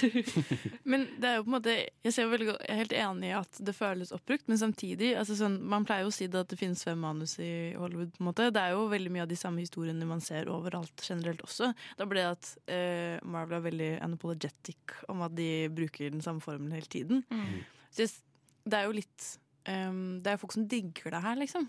Ja. eh, og syns det er helt rått. Og det, er hvis du føler Føler du at hvis Ja, nå er jo du eh, riktig publikum, da, men du syns også det var litt kjedelig til tider. Ja, eh, jeg gjorde det, og det var jo mye på grunn av måten de introduserte Sean som hovedkarakter på, følte jeg. Fordi eh, liksom, Jeg skal ikke gå så veldig inn i plottet, men det starter ved med liksom, man som skjønner som, introduserer hva The Ten Rings er, og som faren som en sånn antagonist og hans upcoming. Og så er liksom, ser man litt av Sean som liksom, veldig lite barn. Og så kutter det til present day. Han er liksom i midten av 20-årene et eller annet sted. Så vet man liksom ingenting om han egentlig. Og jeg føler liksom at måten de introduserer han som voksen på, og liksom hvordan han relaterer til familien til eh, Katie og sånne ting Han er veldig sånn anonym sånn straight guy som man vet ingenting om. Men han er jævlig kul og flink til å slåss, det er liksom det eneste. og så får man, som, som jeg har sagt, OK, han har um, disse issuesene med familien sin og bla, bla, bla, bla. Og så er det veldig mye sånn vel, Filmen liksom trenger å forklare så utrolig mye. Ja, så du sitter der og bare OK, nå møter han den personen, så skal den personen bare fortelle om uh, hjemstedet der han ble født, og at det er kanskje litt magisk, og bla, bla, bla. Og så er det Det er sånn du Det er så mye sånn informasjon du bare må spise, da. Så du sitter bare ja, Kan vi ikke bare skippe det her og bare slåss litt igjen, for at det her er kjedelig, rett og slett. Hvilken rating hadde du gitt nå? Um, for min del så lander den på en fem av ti. Uh, og jeg tror liksom de fleste som jeg har liksom kikka litt på hva andre folk har gitt, og sånne ting, jeg tror veldig mange uh, likte mye bedre enn meg. Uh, vet at vår uh, co-worker i Noir syns at den var kul. Hvem? Uh, Hanne. hun var også Hanne til stede. Ja, hun var, det var gøy. Når vi var ferdig, så var jeg sånn Ja, noen ganger. Det var min take. Eh, men jeg må si sånn helt til sist at nå som jeg har sett denne filmen, så er jeg veldig sånn interessert i hvordan de skal bruke uh, Shang-Chi, som han egentlig heter, Sean er liksom bare amerikanske navnet, videre i den store konteksten av liksom Marvel-universet. Jeg, jeg kan se for meg at han kan ha veldig mange kule sånn, team-ups med andre karakterer i andre filmer. Så jeg er liksom, selv om jeg ikke likte denne filmen så veldig godt, så er jeg liksom interessert i karakteren hans og liksom spent på hva som skal skje med han videre. Ja, for du tror de kommer til å lage litt sånn som de gjorde i fase to eller tre? At de liksom skal ha masse sånn crossover-filmer og sånn? Ja, det er, eh, jeg skal ikke nevne hvilke andre Marvel-karakterer som dukker opp som er litt sånn crossover med, men eh, de som dukker opp, er sånn herre OK, jeg, jeg, jeg, kan, jeg kan like dette. Og så lider kanskje eh, denne filmen over at vi er som i sånn ti år så har vi sånn visst at å, Thanos kommer, han er the big bad. Mens man føler ikke i denne filmen at man vet hva liksom, det store bildet er ennå. Ja. Så det blir veldig sånn isolert. Og jeg, når du da ikke er så, for min del, interessert i den isolerte historien, så blir liksom filmen bare sånn Ja, den blir Ja. litt sånn bland. Mens ja, action var kul. Action var kul. Så hvis du er der Hvis du liker å se kul slåssing på film, da er dette for noe for deg. Ja. Og hvis du er interessert i å se starten på den nye æraen som kommer i Marvel-universet, så er det en film du absolutt burde se, men på kino. Ja, på kino. For Ikke denne streaming. her skal du ikke se hjemme på Disney Plus i sofaen på Mac-en. Alle tre, og så kommer Edmund og bare What the fuck? Har du sett Parasite? Ja. Har du sett Parasite? Du vet når hun gjør den der, den der huskeringen sin? Å, shit, shit. Uh, Nova Noir. Altså på Nova Noir, og vi snakker om høstens filmer. Og vi hadde ikke snakket om høstens filmer Eller vi kunne ikke snakket om høstens filmer uten å nevne Dune, som kanskje er den mest anticipated filmen som kommer. Eller hva tenker du, Tager? Jo, altså det er den filmen jeg har sett frem til lengst av de vi skal snakke om i dag. For sure! Fordi jeg er uh, Denis Villeneuve-fan number one. Nei, jeg vet ikke, men uh, jeg er veldig glad i han. Eh, I mine øyne så har han ikke lagd den dårlige filmen ennå. Og eh, Dune er Jeg er en av de som har prøvd å lese Dune, Same. men så kom jeg ikke forbi første kapittel. Oi. Så tenkte jeg ja, det kommer en film, så vi får bare stole på at den kan fortelle meg historien på en lettere, fordøyelig måte. Men uh, Dune handler altså om uh, Vi er i en sånn veldig sånn fjern fremtid. Menneskene har begynt å kolonisere ulike galakser og planets og diverse ting.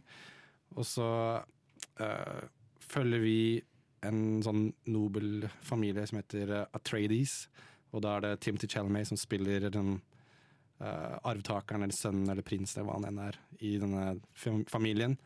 Så, så må de dra Jeg skal veldig holde det veldig sånn uh, low-key, men de må dra til en sånn ørkenplanet, for der er det en sånn dyrebar ressurs som uh, er som en spice. Krydder som uh, kan Hvis du bruker det her, så kan du gjøre mye forskjellig sånn fantasy-ting. Uh, og så er det liksom politisk spill og drama og intriger og det er liksom ja, det er episk fantasy i verdensrommet. There's something happening to me. There's something awakening in my mind. I can't control it. What did you see? There's a crusade coming.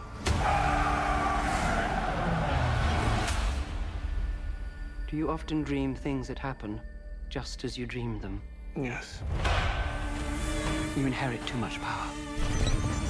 You have proven you can rule yourself. Now you must learn to rule others. Something none of your ancestors learned. My father rules an entire planet.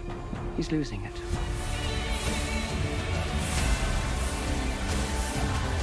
I must not fear. Fear is the mind killer. Spennende. Hva tenker dere om Dune? Er det noe dere, dere gleder dere til? Jeg har også prøvd å lese Eller jeg har prøvd å høre Dune på lydbok. Jeg hadde også litt lik opplevelse som deg, Tage. At i det første eh, på kapitlene så var jeg sånn Jeg skjønner ingenting. Og så kom jeg ca. halvveis, og så var jeg sånn OK, nå tror jeg jeg skjønner litt ting. Og så forsto jeg ingenting igjen. Eh, og så falt jeg av.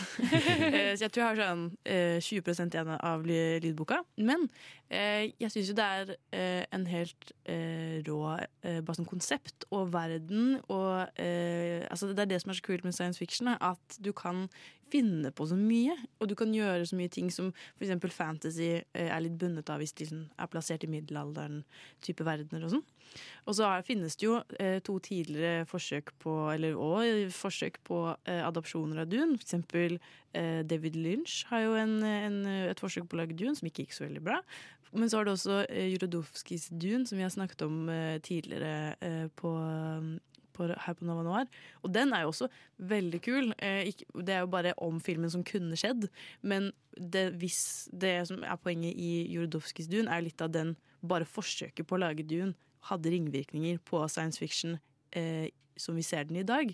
Så jeg Mm. føler at Dune alltid som har vært til stede i science fiction-verdenen uten egentlig har liksom blitt eh, anerkjent som så stort før i dag. Og det syns jeg er veldig kult. Det er virkelig på tide at Dune får komme frem i lyset. Hvis du tenker på Dunes historie, som du nevner, at de i så mange år har prøvd å lage denne filmen, men dere kommer jo ikke gjennom første starten av boka engang. Det er jo så mye informasjon, og så vanskelig å liksom Men så vet man også at dette er jo liksom et fantastisk univers som ingen har liksom klart å gjøre justice. Eh, Jodorowsky gjorde jo et sinnssykt bra forsøk. Jeg anbefaler alle å se den dokumentaren som heter Jodorowskys Dune, før dere ser Dune. For da kommer dere til å få litt gåsehud over hvor mye denne historien kan være, hva den betyr. Lever Jodorowsky fortsatt? Ja. Ikke spør meg. Han vil få sitte på første rad! Ja, for han, han så jo, han så jo, det sier han i dokumentaren, at han hadde sett David Lynch. Han var så sint fordi David Lynch fikk lov til å lage Dune etter han. Og så ble han så lettet fordi den var så dårlig. Ja. ja, for det som er greia med Jodorowsky, hvis folk ikke vet hvem han er, er at han brukte ti år av livet sitt sånt på å skulle lage Dune på var det vel 70-tallet. Og hadde liksom den villeste casten. Og det sykt, De hadde skrevet ut hele manus og storyboarda hele filmen, så den finnes som en tegneserie nå, der du kan se hvordan filmen hadde vært. Og det liksom så an til å bli en av de beste filmene noensinne laget. Og så røk de på en budsjettsmell, og hele greia ble avlyst og gitt til David Lynch. Eh, og det var hans livsverk. Sånn, sønnen hans hadde droppet ut av skolen og vært på karatetrening eh, med- Tre år. i tre år for å kunne spille hovedrollen, som nå Timothy Chalamet valser inn og spiller i denne versjonen av Dune. Ja. Men jeg har eh, holdt meg veldig unna alle trailere til, uh, i det siste, fordi jeg, jeg liker å Når det er sånne filmer som her, så vet jeg at jeg kommer til å elske den. Eller i hvert fall jeg vet jeg skal se den uansett, så jeg trenger ikke å se noe sånn plott eller sånne ting. Og jeg synes det ofte er mye kulere å ikke vite noen ting. Uh, og jeg stoler ikke på markedsføring av blockbustere lenger, fordi det er så lett at de bare gir deg sånn snippet av liksom alle plottpunktene i mesteparten av filmen. Og så I det siste så har jeg vært en del på kino, eh, fordi det kan man gjøre igjen. Og så er det trailer for denne filmen hver jævla gang. Og nå har jeg blitt litt sånn der, litt sånn bekymret, må jeg innrømme, fordi det er litt sånn Marvel-humor i starten av den traileren som går nå om dagen på kino. Oi. Med liksom uh, Jason Momoa som er sånn Oh, you're looking stronger, kids. Bare Oh, am I? nah. Og så bare oh! og det, det er sånn, det er sånn det er så Marvel-humor som det går an. Men de Også, prøver jo å dra Marvel-folka sikkert til å komme og se den. Jo, men jeg bare er litt sånn bekymra for at uh, kanskje, kanskje liksom fordi det er så stor film, at studio liksom, har liksom stressa og liksom ikke gitt Denis Villeneuve den der kreative friheten som han trenger. For man trenger ikke å stresse med han. Han, han er dritgod. Han er dritflink. Så jeg liksom håper at jeg bare har en sånn derre Det er bare traileren som ikke gjør filmen justice. At det faktisk er så episk og kult som jeg ser for meg at den skal bli. Det kan jo hende da at Vi snakket jo litt om det med French eh, Dispatch i stad. At eh, de har med masse av Timothy Chalamet fordi det er salgspunktene. Og det er ikke sant de die hard science fiction-fansene eller die hard uh, Dens Villeneuve-fansene kommer uansett til å dra og se Dune. Men så er det sånn, hva med de som ikke, som du sier, Marvel-fansene? Som allerede liker sånn litt av sånn eh, rare konsepter, men de trenger litt den ah, men jeg må jo kose meg når jeg drar på skyen også. på en måte.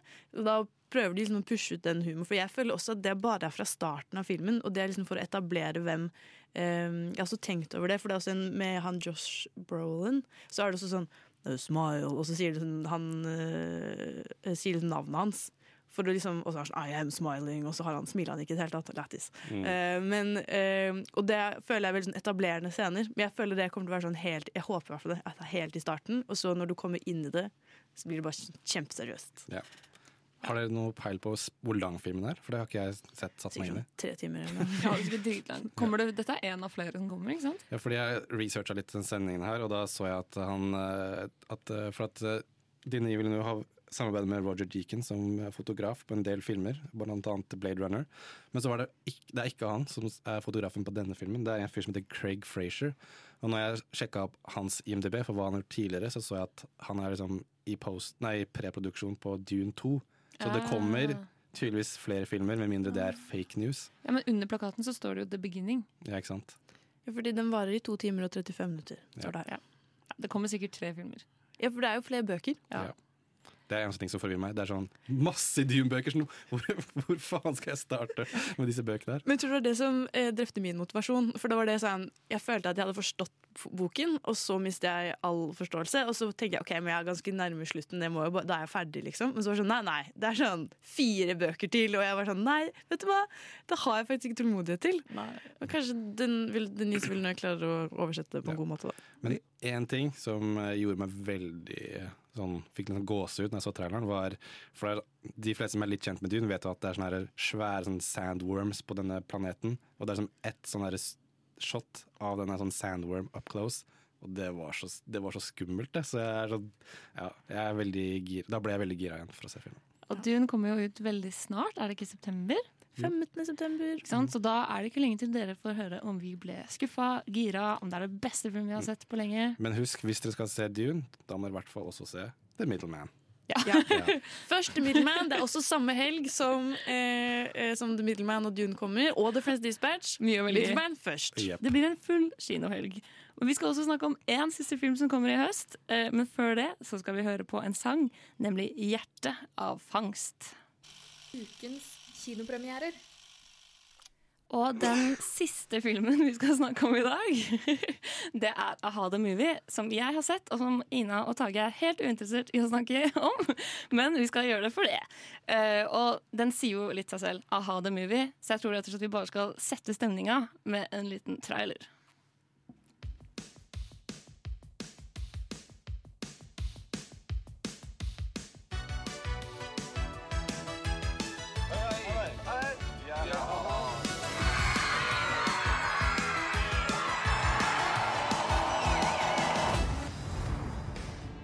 Magne ringer, og Pål og jeg skal til England. Vi skal ut og bli internasjonale popstjerner. Norge er for lite for oss. Satt på en sånn liten bedsit i London og skulle vise låter, da. We didn't have a plan B because plan B, you've already started doubting plan A. Klarer dere å bli verdensberømt? How do I handle all this? Oi, oi, oi, gåsehud! Norsk kulturarv, dere! Internasjonale popstjerner! Det er jo sånn, som du hører i traileren, det er jo den stereotypiske 'started from nothing', aka Norge, og ble internasjonale superstjerner. Og det får du ganske mye av i denne filmen. Det begynner sånn. Eh, De er tre gutter som drømmer om å bli musikere og gjør alt de kan for å få det til. Det går trått. ikke sant? Skal de få det til, skal de ikke? Og så kommer det en liten hit med 'Take On Me'. Boom. Det høres også litt ut som premisset for I Are You Ready To Be Boys Voiced? Eh, Norges mest ikoniske film noensinne. Jo, det er jo liksom Det er en historie vi kjenner. Så jeg skal bare kjapt snakke om hva som skiller denne filmen fra alle de stereotypiske dokumentarene om folk som har gjort det stort.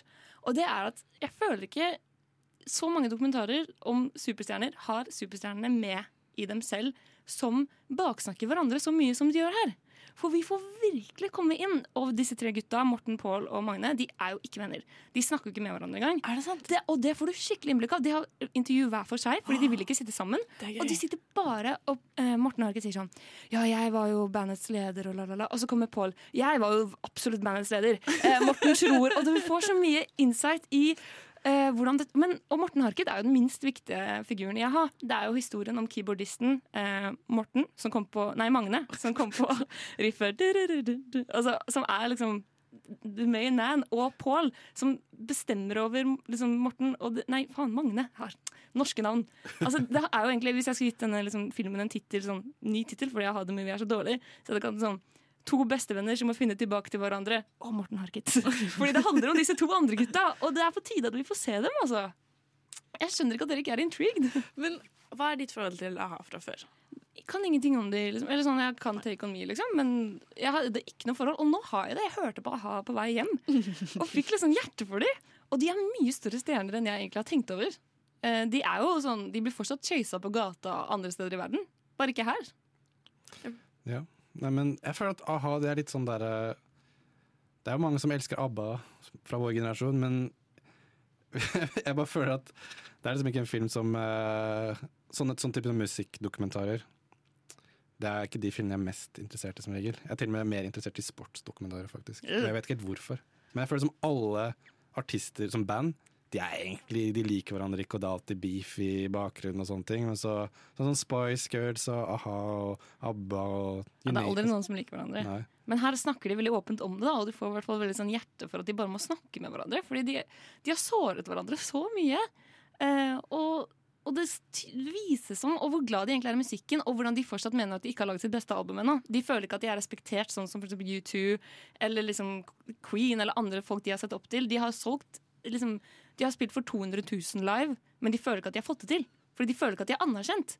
Og det føler jeg er en sånn drivkraft i denne dokumentaren som gjør at den er ganske engasjerende.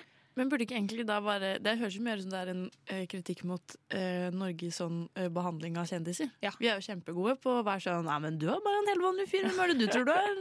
Morten Harket. De har flere sanger enn Take On Me òg, det er veldig rart. Men det, du får liksom bli litt kjent med dem, da. Så ja, dette er en film som kanskje mange ikke kommer til å tenke over, og den har også ekstremt dårlig tittel. Men jeg vil bare liksom avslutningsvis oppfordre folk til å dra og se den her på kino, for den er ganske koselig, og du blir litt sånn stolt av at Norge og liksom disse tre gutta som skulle få det til. Og ja, jeg syns absolutt dette er en film alle burde se. Fordi den er uh, underrated allerede. Og den kom nettopp ut. Hvis du skulle gi den en karakter, da? Jeg syns faktisk den er liksom oppe i syv av ti. jeg. Fordi som en musikkdokumentar Det er jo eh, Thomas Robson og Aslaug Holm som har lagd den. Hun har jo lagd Brødre og eh, Generasjon Utøya. Så må vi tenke at det er gode dokumentarskapere som har gått sammen for å lage denne filmen. Det er ikke bare en sånn der Netflix-dokumentar, liksom. Eh, men så vi skal høre på en a-ha-sang, eh, som er The Sun Always. Shine On TV. Fordi vi liker å snakke om TV, og sola skinner i dag. Så take it away. Can't See a goddamn thing. Quit griping. I like griping. Come on, knock it off. Nova Noir elsker å klage over dårlig film. Yes, og du har hørt på Nova Noir her på Radio Nova de siste to timene, hvor vi har kost oss med å snakke om filmhøsten og alt vi gleder oss til og har i vente. Noen honorable mentions som vi ikke nevnte, er f.eks. Tre nøtter til Askepott og Kampen om Narvik. Og det kommer masse filmer, men vi valgte The Middleman. Jeg vil også bare på, det, tre- grunnen til at vi har, jeg i hvert fall har lagt mye fokus på The Middleman eh, akkurat i dag, er fordi min foretrukne eh, høstfilm, eh, Top Gun Maverick, har blitt utsatt til 2022. Ai, ai, ai. Igjen! Big sad. When will I get what I need for speed? Men eh, ja. Men The Middleman har jo fått veldig mye presse av oss nå. Så Ja. Jeg tror kanskje det i hvert fall kommer tre til og ser den filmen. Jeg nå. håper det. Jeg blir gjerne trist hvis den er skikkelig dårlig nå. Tenk hvis det er den beste filmen, og vi har forutsett det. Men hva er den, nå, ikke lov å si The Middleman. Hvilken film gleder dere mest til i høst? Dune. Oh. Den ser jeg. Ina? Eh, kanskje um, 'Verdens verste menneske'. Ja. Oh, kan jeg si en film som jeg gleder meg til, som vi ikke nevnte i dag? Ja. Det er uh, 'Last Night in Soho' eller et eller annet Ja! sånt. Den nye Edgar Wright-filmen. Den gleder jeg meg også til. Den gleder jeg meg veldig veldig til. Fordi Ja. jeg elsker Edgar Wright. Og han, den er litt sånn skrekkaktig, så det syns jeg blir veldig kult.